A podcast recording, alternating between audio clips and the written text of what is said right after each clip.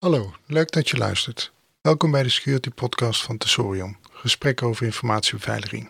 Dit is aflevering 27, opgenomen op 13 maart 2019. Interview Lucien Barink.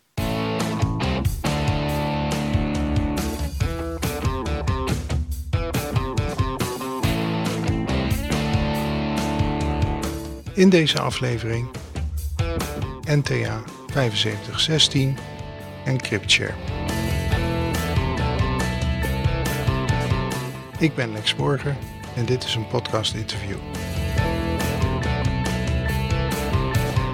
In deze aflevering spreek ik op het SecureLink Security Bootcamp met Lucien Barink.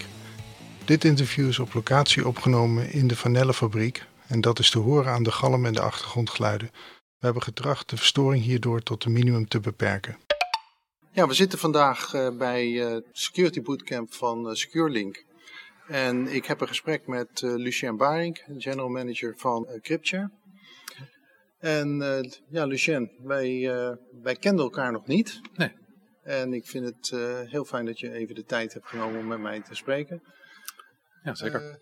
ik had wat informatie gehad van jou en een van de eerste dingen die mij opviel in uh, die informatie was dat jij bezig bent met het opzetten van een nieuwe Nederlandse technische aanbeveling, geloof ik heet dat. Nederlandse technische afspraak. Afspraak, ja. Is het. Ja, dat is ja. het. Ik, uh, 7516. 7516 ja. klinkt in het verlengde van 7510. Ja, en, dat is, nog een aantal erbij in, in ja. zorg, ja klopt. 10, 10, 11, 12, dus dat is een serie van informatiebeveiliging in de zorg van de NEN-normen. Ja. En ik was alleen nog niet uh, bekend met de NTA als afkorting. En dat... Nee, wat ik wel begrepen is dat het, uh, overigens doe ik niet alleen hoor, er zit ja. een hele grote groep mensen die dat doen. Dat is een, een soort voorloper van wat een NEN kan worden. En dat is een volgend stadium wat NEN uh, mee werkt. Nederlands technische afspraak. Ja. Um, ik stel dat een grote groep die er bezig is. Ik ben daarin gestapt en uh, ben aan deel gaan nemen omdat we daar in, in spelen met CryptShare een belangrijke rol in hebben. En in die markt opereren. Ja. Wat je ziet is dat uh, uh, de manier waarop het geïnitieerd is, van het ministerie van Volksgezondheid. Aangegeven van autoriteit persoonsgegevens is daar aangegeven en gekeken naar waar datalekken was en wat dan de oorzaak van datalekken was. Dan kijk je naar de sectoren en dan zie je dat in de zorg dat dat daar veel voorkwam. Meer dan aan de ja. andere sectoren. Ja.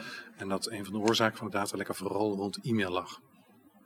Daarvan heeft de autoriteit persoonsgegevens tegen het ministerie gezegd van... Uh, adresseer het, los erop, doe er wat mee en uh, ja. geef daar een invulling aan dat dat voorkomen wordt. Prima. Die zijn samen met uh, NEN een traject ingestapt. Waar een grote groep van mensen bij betrokken zijn. Eerst is het veld ondervraagd, de zorgsector. Ja patiëntvertegenwoordigers, ziekenhuizen, uh, artsen enzovoort. Wat willen jullie? Um, en wat is jullie eis en hoe kijken jullie er tegenaan? En wat is jullie wens?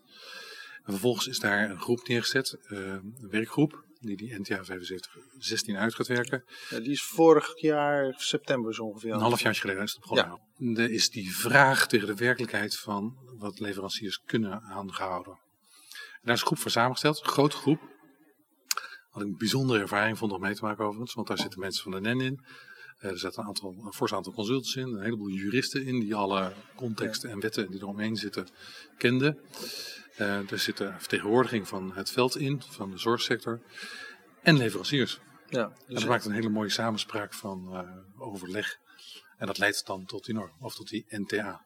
Ja, dus je krijgt een afspraak want het is een afspraak. Ja. Uh, je krijgt een afspraak die dan, dan ook werkelijk uitvoerbaar zou moeten zijn en, en realistisch is. En... Ja, als, je dat, als je dat tegen de uh, achtergrond zet, hè, je hebt de, de meldplicht datalekken gehad en daarna ja. kwam de AVG, de Nederlandse mm. GDPR, zeg maar. Waarin dan staat dat, uh, een heel simpel het principe is dat, de verzender heeft informatie bij zich en die verstuurt die naar een ontvanger. Ja. Dat gaat buiten de veiligheid van een eigen organisatie. Die verzender is verantwoordelijk voor het afleveren, het veilig afleveren van die data aan de ontvanger. Ja.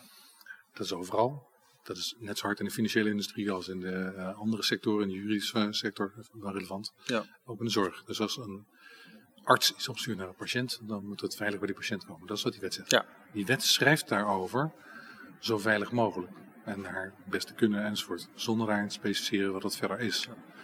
Dat gaf dus een redelijk gat. Ik ben vaak tegengekomen dat klanten dan vroegen, ja, is dit dan veilig genoeg? Moet het nog veiliger? Kunnen we het met nu dan doen? Waar zit die grens? Waar ligt die, ja. waar ligt die ijs? Um, daarop ontstond aanbod redelijk wild en alle kanten op. En met allerlei mooie verhalen van leveranciers van, joh, ik kan het en ik kan het. Iedereen een mooier verhaal erbij dan de, de een nog mooier dan de ander. Nu zie je dat er een soort bodem ingelegd wordt van hier moet het aan voldoen. Ja. Maar een consensus is gemaakt vanuit de vraag en vanuit leveranciers. Ja.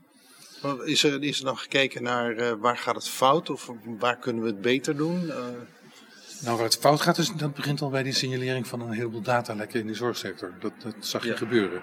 Als je kijkt naar eh, IT-infrastructuur, dan zijn veel organisaties, ook in de zorg, keurig beschermd met, met alles wat interne gegevens afschermt voor de buitenwereld.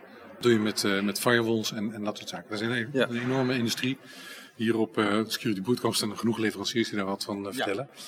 Maar zodra je buiten die, die veiligheidsbubbel komt en zodra je informatie uit die bubbel naar buiten brengt, naar een ander ziekenhuis, naar een andere organisatie, naar een andere persoon, dan zie je dat er e-mail wordt ingezet en dat dat een kwetsbaar ding is. Een kwetsbaar ja, transport. e-mail is inherent een onveilig Ja. protocol. Ja.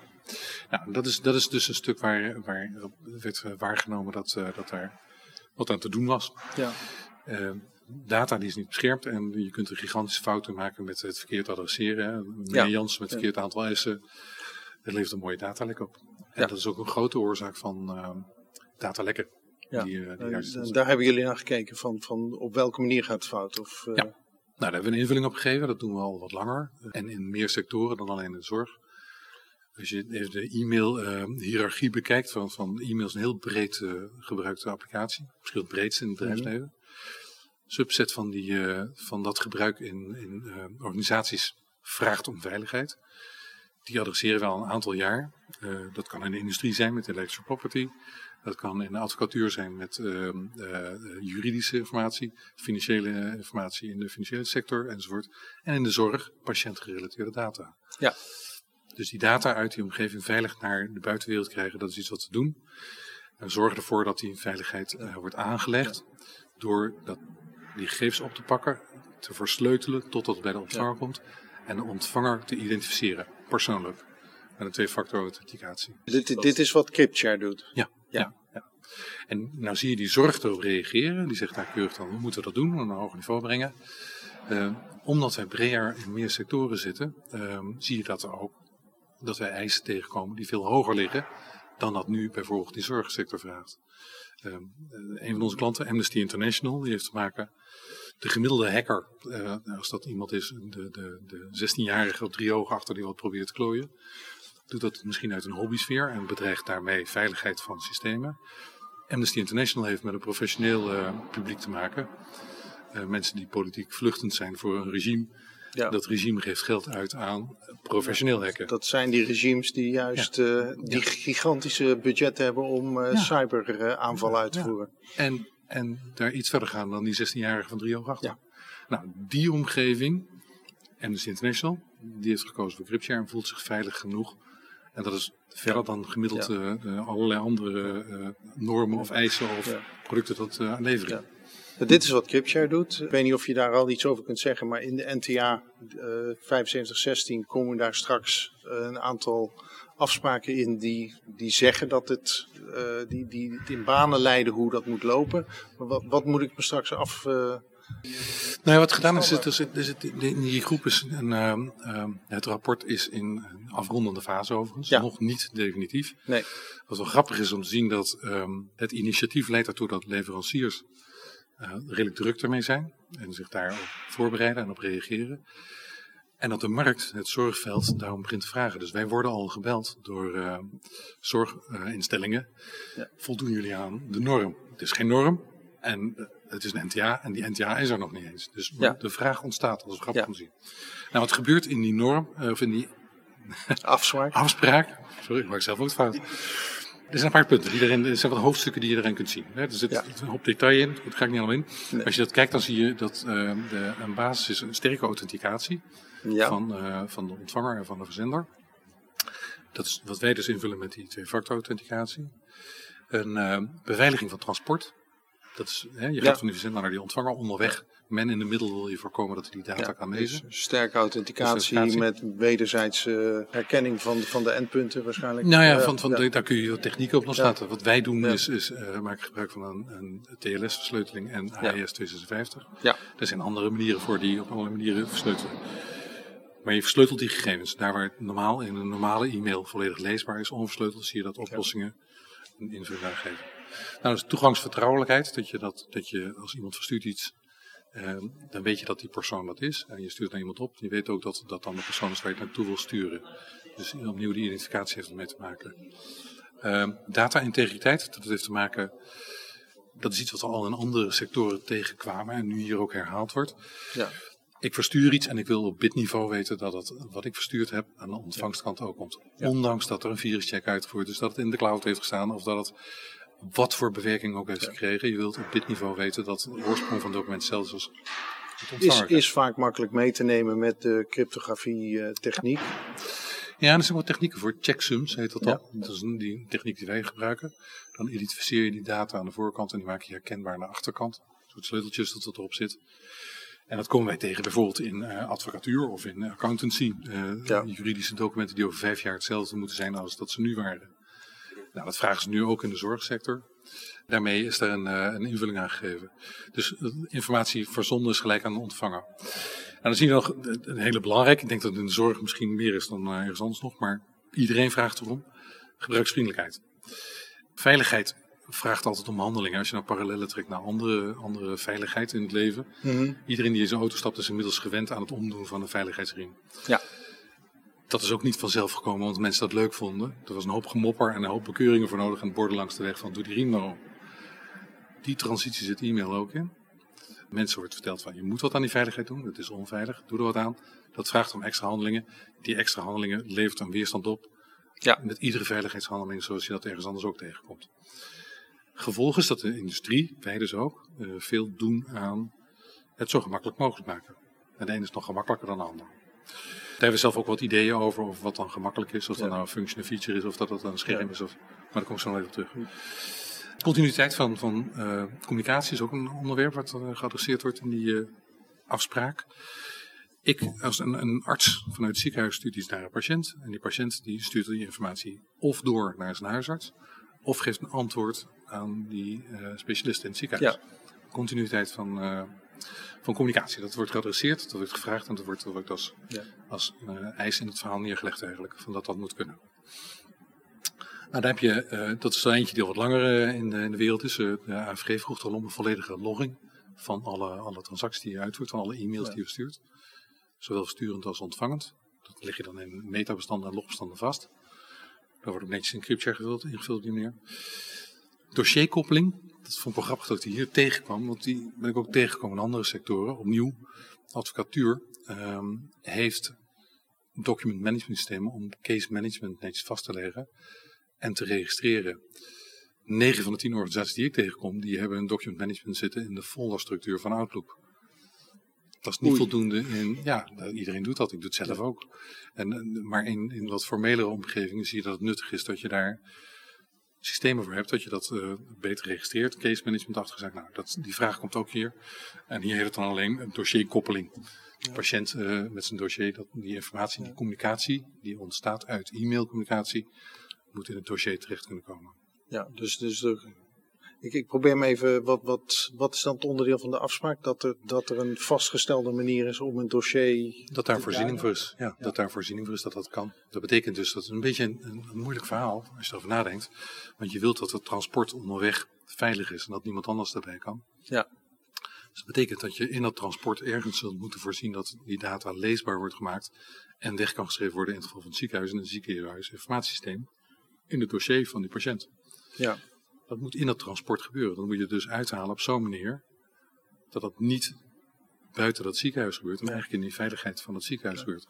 Stel dat je dat in een, eh, in een omgeving zou doen waarbij je je data buiten, buiten je eigen organisatie neerzet, dan geef je dus die leverancier die dan daar vandaan uit, aanbiedt de mogelijkheid om dat leesbaar te maken en dat terug te kunnen koppelen naar dat dossier van het ziekenhuisinformatiesysteem.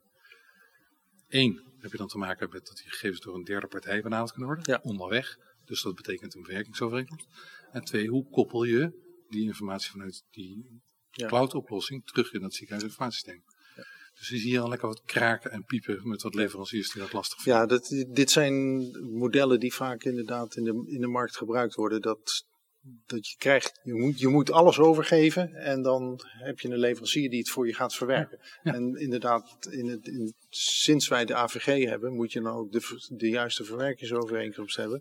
Ja, want ik heb bij mensen aan het bureau gezeten die een stuk of twintig bewerkingsovereenkomsten met verschillende leveranciers hadden liggen.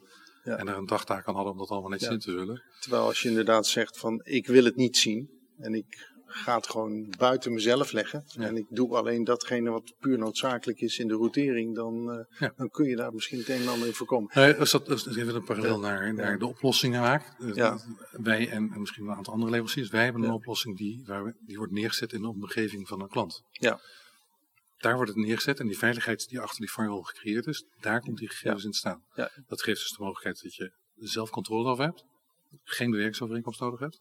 En twee, dat je ook die, die data die je nodig Ja. hebt om bijvoorbeeld een dossierkoppeling te maken, dat je die kunt koppelen en dat kun je in je eigen omgeving doen. Je hoeft niet naar buiten toe een bewerkingsovereenkomst te maken en daar die data terug te halen in je eigen omgeving. Ja. Dus dat zie je op andere koppelvlakken ook. Hè. Stel dat je automatisch iets zou willen uitsturen en je hebt ergens buiten staan, we hebben een externe leverancier van die oplossing, dan is dat veel moeilijker en veel lastiger als het al mogelijk is. Ja. Hè? Ja. Nou, dus dat is het. En dat laatste stukje, dat is dan misschien het meest hete hangijzer in de zorg. Ehm, dat heet dan, eh, daar struikelt iedereen over met het uitspreken van interoperabiliteit. Ehm, twee mensen die communiceren, twee organisaties of twee een verzender en ontvanger, gebruiken allebei een NTA-proof oplossing. Interoperabiliteit streeft er dan naar dat als je van oplossing A naar oplossing B toe gaat, dat je in oplossing B het kunt ontvangen zonder dat je daar over schakelen terug naar oplossing A. Ofwel, één omgeving, praten met iedereen. Ja. Nou, er zijn een aantal oplossingen waar dat niet per kan. En waarbij dat een slag zal zijn voor een aantal leveranciers om daar een eh, invulling aan te kunnen geven om die uitwisseling te krijgen. Ik denk dat dit het moeilijkste onderwerp is van, van de hele NTA, om dat voor elkaar te krijgen. En de grootste vraag vanuit het veld is om dat voor elkaar te krijgen. Wat ik me overigens prima kan voorstellen, want ehm, een arts die zes verschillende systemen moet kiezen om met iemand te kunnen communiceren, die wordt daar helemaal gek van, die wordt helemaal orendol van, die wil dat niet. Ja, dit, dit is de manier waarop het internet groot is geworden. Is dat we hadden Ja. standaarden en Ja. interoperabiliteit. En toen dat er was, konden we eh, makkelijker met elkaar communiceren. Nou kan dat ook, hè. je hebt een e-mail, heb je SMTP, Ja, dat is een mooie standaard. Alleen heeft hij als eigenschap dat je dat niet versleutelt. Daar is geen veiligheid aan aangelegd. Nou, daarom zie je nu een aantal applicaties komen. En iedereen doet het op zijn eigen manier. Er zijn allerlei vormen voor.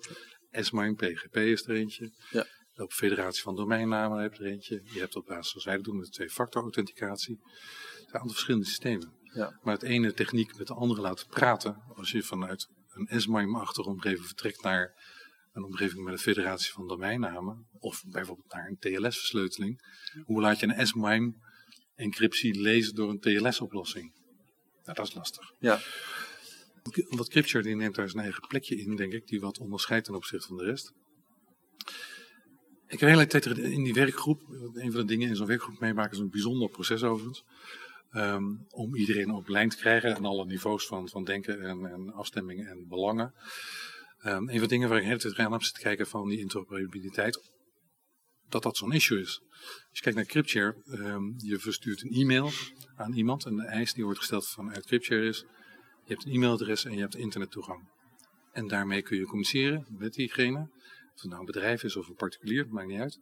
En diegene waarmee je communiceert kan precies hetzelfde doen terug naar jou.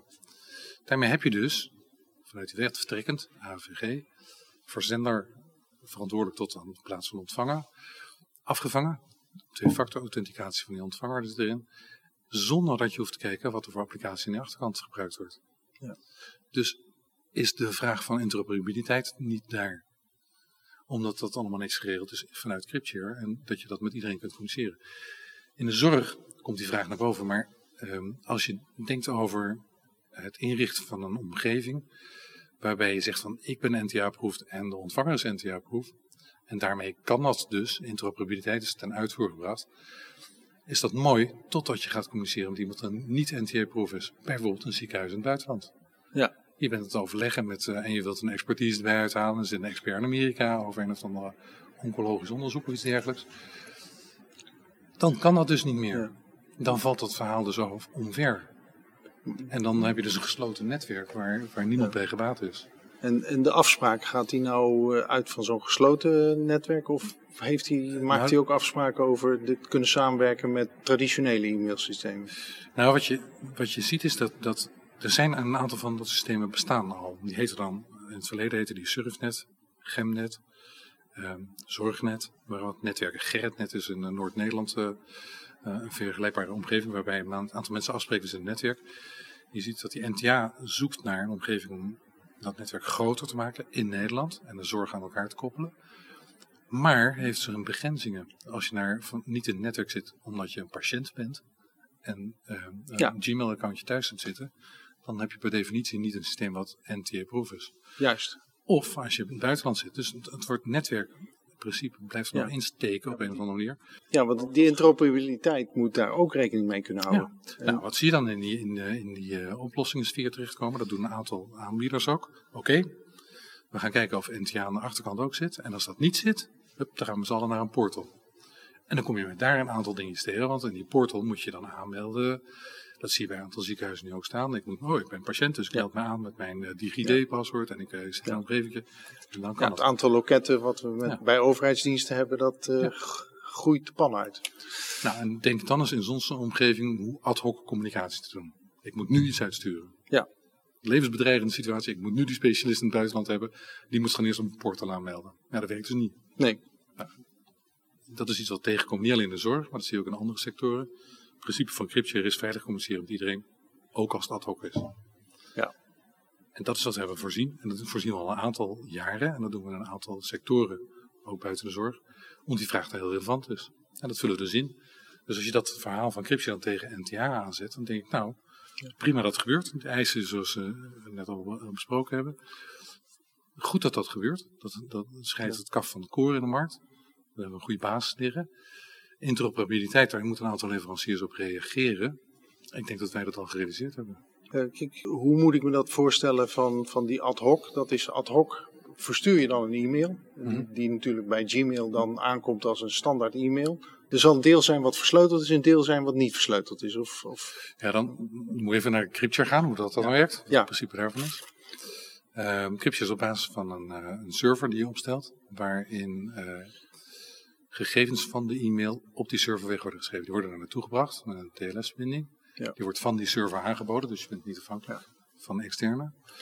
Op die server wordt die encryptie aangelegd en vervolgens wordt de geadresseerde, de ontvanger, geïnformeerd over hoe hij die gegevens van die server af kan halen. Ja, en dit is een CryptShare server of een server van de klant? Een CryptShare server bij de klant. Die klant, klant. kiest waar dat in staat. Ja. Of hij dat nou in Azure Cloud neerzetten of in zijn eigen netwerk of onder zijn bureau. Hij bepaalt waar die staat. Het is totally client control. Ja. Je, hebt van, je, je kunt het met connectoren doen in Outlook en in Notes er ook nog eentje. Je kunt het met API's koppelen. Maar die data die wordt naar die server toegebracht. Daar wordt het versleuteld en de ontvanger wordt gewezen, hier kun je het ophalen. Die ontvanger kan dat pas ophalen als die daarvoor die twee-factor authenticatie heeft gedaan. Dus hij heeft dan een instructie-mail waarbij die plaats op die servers aangewezen. Die kan hij via internet benaderen. En het tweede is dat hij een wachtwoord nodig heeft. Ja. Nou, dan kom je in een paar stapjes, hoe wordt het dan? Overigens is die versleuteling dan de aangelegde wachtwoord aan de verzendkant. En de ontvangst is hetzelfde wachtwoord. Dus het is geen key management, key store of dat soort zaken. Wachtwoord aan de voorkant moet hetzelfde zijn als aan de achterkant. Bij de verzender hetzelfde als bij de ontvanger. Ja, symmetrisch principe. Symmetrische encryptie. Wat betekent, als je het vergelijkt met asymmetrisch overigens, even iets in de techniek. Als één, van, één wachtwoord van CryptShare uh, gekraakt zou worden, dan heb je één e-mail open liggen. Ja. Als je met asymmetrische encryptie niet werkt en een van de sleutels wordt gekraakt, dan heb je een serie van e-mails die daarmee open komt te liggen. Ja. Dus de kwetsbaarheid is daar ook zelfs hoger van. Ja, de, de um, traditionele asymmetrische zeker, ook daar kun je tegen beschermen. Maar uh, ja, zal, ja, ja, ja, ja, maar het heeft een aantal factoren en heeft, stelt onder andere eisen aan die ontvanger op dat moment. In beide gevallen uh, zit het geheim eigenlijk in van je, je moet je sleutels, en in dit geval is het wachtwoord, wordt geconverteerd naar sleutel, je moet je sleutel maar één keer gebruiken. En als je hem één keer gebruikt, dan is hij bij hacking is er ook één lek en niet meer. Ja. Nee, dat klopt. Ja. Nou goed, wat doet de CryptShare dan? Die verhaal, dat wachtwoord, eh, we hebben dat tot uh, november vorig jaar zo'n beetje bij onze klanten, internationaal is dat overigens dan uh, neergezet, waarbij die wachtwoorduitwisseling gebeurde op basis van het principe van een gedeeld geheim. Ik weet iets en mijn ontvanger weet dat ook. Hoe laat ik dat weten? Dat kun je op allerlei wegen ja. kiezen. Ja. Kun je bellen, kun je een extra mailtje sturen, kun je een WhatsApp sturen, kun je een sms sturen. Maar het was een handmatig proces, procedureel, ja. buiten CryptShare om. November vorig jaar hebben we daar een uh, SMS gateway tegen aangezet. Dan kun je een deel van de markt adresseren overigens, want niet iedereen heeft een mobiele telefoon. Um, in de overheid, lokale overheid, uh, 9 van 10 keer hebben mensen daar een privételefoon, maar niet zakelijk. Ja. Dus een deel van die mensen die dat dan wel hebben, kun je keurig die instructie uh, mail opsturen aan die persoon en dan kan met een sms'je kun je dat uh, naartoe voeren. Ja. Een van de punten was gebruiksvriendelijkheid van die NTA. Ik denk, zie je in de oplossing zie je van alles gebeuren. In allerlei functies en, en features en verhalen omheen. Die het allemaal aardig laten lijken. De essentie van gebruiksvriendelijkheid is eigenlijk uitgedrukt in die interoperabiliteit. Ik wil kunnen communiceren met iedereen, zonder dat ik er moeilijk over hoef te doen. Het lastige van het veilig maken van die communicatie en daar twee-factor authenticatie aan neer te zetten, is dat je, en dat is de grootste, de veiligheidsriem omdoen, hè, weet je nog, in de auto? Ja, nee. Ik, ik wil hem iedere keer weer omdoen. Ik wil, ik wil graag inderdaad die, uh, die two-factor authenticatie uh, nou, goed daar, begrijpen. Daar gaan we, daar gaan we die twee, ik zal even, even uitleggen wat die two-factor authenticatie nu is. We sturen, er gaat een mail naar die ontvanger toe, waarin uitgelegd wordt hoe dat hij bij kan komen en een plek aangewezen waar die informatie kan ophalen. En hij moet een wachtwoord invullen. Dus ja. twee dingen nodig. Die link en die informatie om bij die informatie te kunnen komen en het wachtwoord. Een wachtwoord kun je nu sinds november vorig jaar ook bij de sms-taart naartoe brengen. Maar je krijgt nog steeds, iedere e-mail die je verstuurt, moet volgens die procedure dan afantwoorden. Iedere Ja. keer een sms'je uitsturen of keer afspreken of iets zegt. Nou, dan komen we bij een innovatie die we eh, Q2 dit jaar gaan uitbrengen. Dat heet dan Quick-technologie. Ja. Daar loopt een eh, patentaanvraag op het verhaal. Het principe van die twee-factor authenticatie blijft volledig overeind. Alleen doen we dat maar één keer. De eerste keer dat ik iemand een mail opstuur, identificeer ik die persoon en maak ik een quick relatie, zoals je dat dan kan En je identificeert hem doordat hij en de link heeft en het wachtwoord heeft. De eerste keer, Ja. bij de eerste mail. Maar de volgende mail die ik hem stuur, dan wordt die authenticatie opnieuw gebruikt. Zonder dat de verzender of de ontvanger daar een nieuw wachtwoord voor hoeft in te vullen. Dat gebeurt door systeem. Een nieuw sleutel die wordt aangelegd. Synchrone sleutel aan beide kanten. Ehm, maar de verzender hoeft dat niet aan te leggen en de ontvanger hoeft niet in te vullen. En dan wordt er gebruik gemaakt, hergebruik gemaakt van de initiële twee-factor authenticatie voor iedere mail die daarop volgt. Versturend aan die ontvanger of in antwoord van die ontvanger terug naar de verzen- oorspronkelijke verzender. Ja. Dus op dat moment heb je dan een veilige communicatiekanaal gecreëerd met die persoon. En dan hoef je daar niet meer over na te denken. Ja. Zit ik even te denken van, van ik, nou in feite eh, verander je die eerste authenticatie in een registratie van een ja, cryptografisch geheim wat je dan vastlegt. Ja, klopt. Eh, ik probeer hem even af te pellen zonder dat ik exact weet hoe het werkt. En Ja. eh, daar hoeven we ook denk ik niet op in te gaan, want anders hebben we een veel langere podcast nodig. Je zet het dus om in een registratie, waarbij je dan het registratiegegeven, waar wordt dat dan bewaard? Want het is, je communiceert dus- met iedereen. Wordt dat dan bewaard in de CryptShare eh, Op die CryptShare server wordt het neergezet. van de klant die jou dat e-mailtje, ad hoc e-mailtje gestuurd heeft? Als we het even op ad hoc houden. Nou ja, ad hoc. Dat, Of, kan, dat is het moment dat je dat in die communicatie doet. Ja. Of dan nou de eerste keer of de keer daarop. Ja. Nee, de, de, de eerste keer hebben we net gehad, dus dat, dat snap ik. Daar heb je dus het, eh, het wachtwoord en de, en de locatiebepaling. En de tweede keer, eh, dan ja, open ik mijn e-mail, krijg ik het tweede e-mailtje en daar hoef ik niet meer een wachtwoord voor op in te typen. Hoe wordt dan geconstateerd? Want Wordt op, die, op die server wordt herkend dat die communicatie met die persoon die je dan doet, persoon hè, dus niet een organisatie, een persoon, ja, ehm, die is al een keer geauthenticeerd. En Ja. dat wordt op de server vastgelegd. en, en persoon is in dit geval hetzelfde e-mailadres dan. Ja. ja, met zijn identificatie en authenticatie dat zit. Ja, en daarmee bedoel je de, de identificatie-authenticatie die de e-mailserver van die persoon zelf doet. Dus, eh, Ja, dus het ja, feit dat jij bij jouw Gmail kunt, wil zeggen dat jij kon inloggen op jouw Gmail. Dus Ah, oké, dat is een paar stapjes. Of- of- je kunt je aanmelden op je Gmail-account, dat klopt. Dat Ja. geeft je een bepaalde status, dat geeft je recht op die mailbox. Maar een tweede laag aan toegevoegd. Met die mailbox heb jij al een keer gecommuniceerd met iemand die CryptShare gebruikt.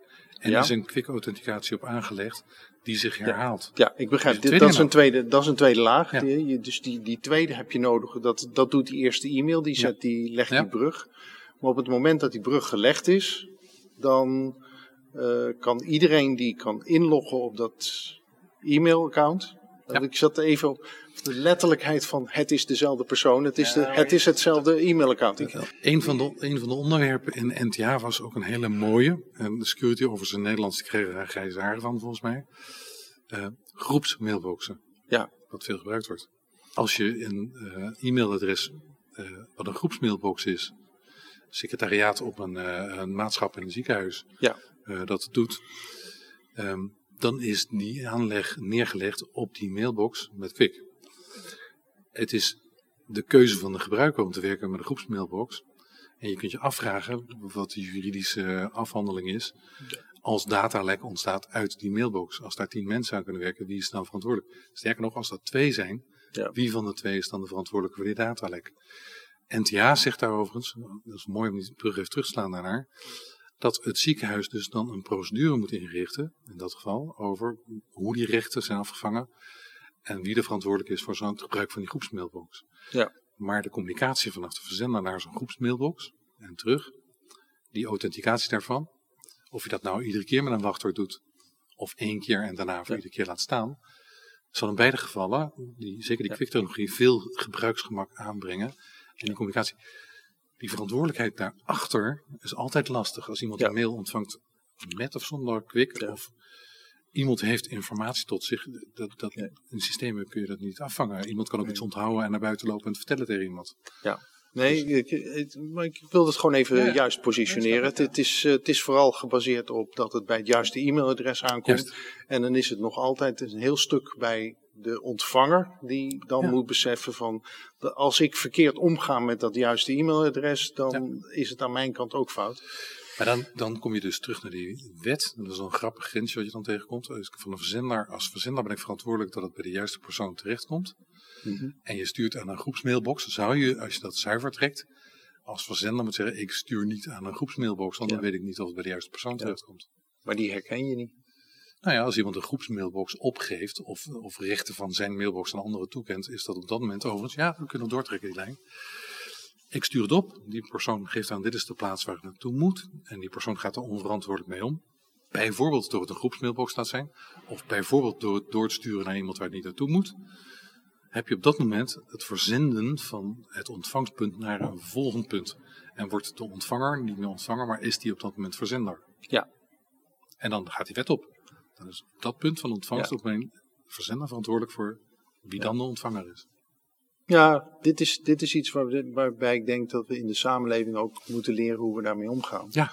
Het, Ja. zijn, eh, het zijn de juridische kantjes van wat, wat doe je. En er is altijd een mens-techniek overgang. En ik zie dat, dat de juridische consequenties daar, hè, hoeveel spreken we af, hoeveel, doen we, hoeveel staan we wel toe, hoeveel staan we niet toe. Nou ja, ik vind het altijd wel makkelijk om terug te gaan naar hele simpele dingen. Ik bedoel, een envelop, kent iedereen. Postzegel erop plakken, je schrijft een adres erop en waar het Ja. vandaan komt. Eh, daar zit een postwet op, al jaren. Ja. En eh, onderweg mag de postbode niet openmaken. En er komt bij de persoon aan die hem ontvangt. En die mag hem openmaken. Dat is netjes in de wet afgedekt. Dat werkt precies hetzelfde als die e-mail. Dat is niks anders natuurlijk. Als die persoon met die opengemaakte brief vervolgens eh, ergens naartoe stapt waar het niet terecht moet komen, is dat de verantwoordelijkheid van die ontvanger van die brief. Ja, en die, die brief valt meestal op de deurmat. Ja. En dus dat is eigenlijk ook al een groepsmailbox op het moment dat er meer Ja, mensen maar goed, er wonen. zit, er, zit, er, zit een, er zit een juridisch staatstaand papiertje Ja. dat omheen zit. Ja. Ja, envelop als die dicht is, dan postzegeltje ook de deur Ja. en zo. maar ik geloof dat die postwet, die, die wet is ook toe, van toepassing verklaard op e-mail. Dus dat zie je daar ook eh, terugkomen. Ja. Maar het, het, het- het legt het principe lekker makkelijk uit als je Ja. simpel alle technische van Ja. je eraf haalt. Wanneer mogen we de NTA 7516 verwachten? Afrondende fase volgens mij. Zitten, eh, volgende week is er nog een laatste sessie om de punten en de comma's eh, bij elkaar te zetten. Dat is aan NEN overigens en aan het ministerie van Volksgezondheid om daar de, de release-programma's te zijn.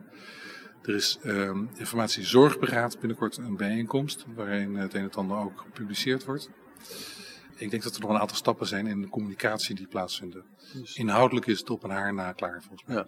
Dus misschien voor de zomer. Ik denk voor de zomer, ja. Het streven was, was we zijn al wat over de datum heen, uh, als een hele werkgroep volgens mij. Het plan was februari. Ja. Ik, ik, ik vind het überhaupt fantastisch dat in zo'n korte tijd uh, zo'n resultaat gehaald kan worden. Ik heb, dat was ook merkbaar, er was veel werk aan. Ik weet je af dat, dat dit in een paar maanden gevuld is. Diep respect voor de voorzitter en projectleider van het verhaal, die, uh, die dat in goede baan hebben geleid. In alle belangen en alle interesse en zijn niveaus van kennis hun kant op hebben gekregen. Knap, heel knap. En goed, dat gebeurt dus nogmaals. Ja. Dus. Hartstikke bedankt voor het gesprek. Graag gedaan. Deze aflevering zit er weer op. Ik wil graag jou, de luisteraar, bedanken dat je de podcast beluisterd hebt. Mocht je willen reageren naar aanleiding van deze aflevering, stuur mij dan een bericht. Mijn Twitter-handle is @lexborger. Ik ben consultant bij Tesorion. Onze website is www.tesorion.nl. Deze podcast komt eens in de twee weken uit. Afleveringen zijn te vinden als nieuwsitem op onze website. Je kunt je ook abonneren op de podcast via de feedlink https www.i2i.nl feed podcast. We wachten nog even op de verhuizing naar de Sorion website om de podcast ook in Apple iTunes en via Google Podcast vindbaar te maken. Daarover meer wanneer dit beschikbaar is. En dan sluit ik hierbij af. Tot de volgende keer.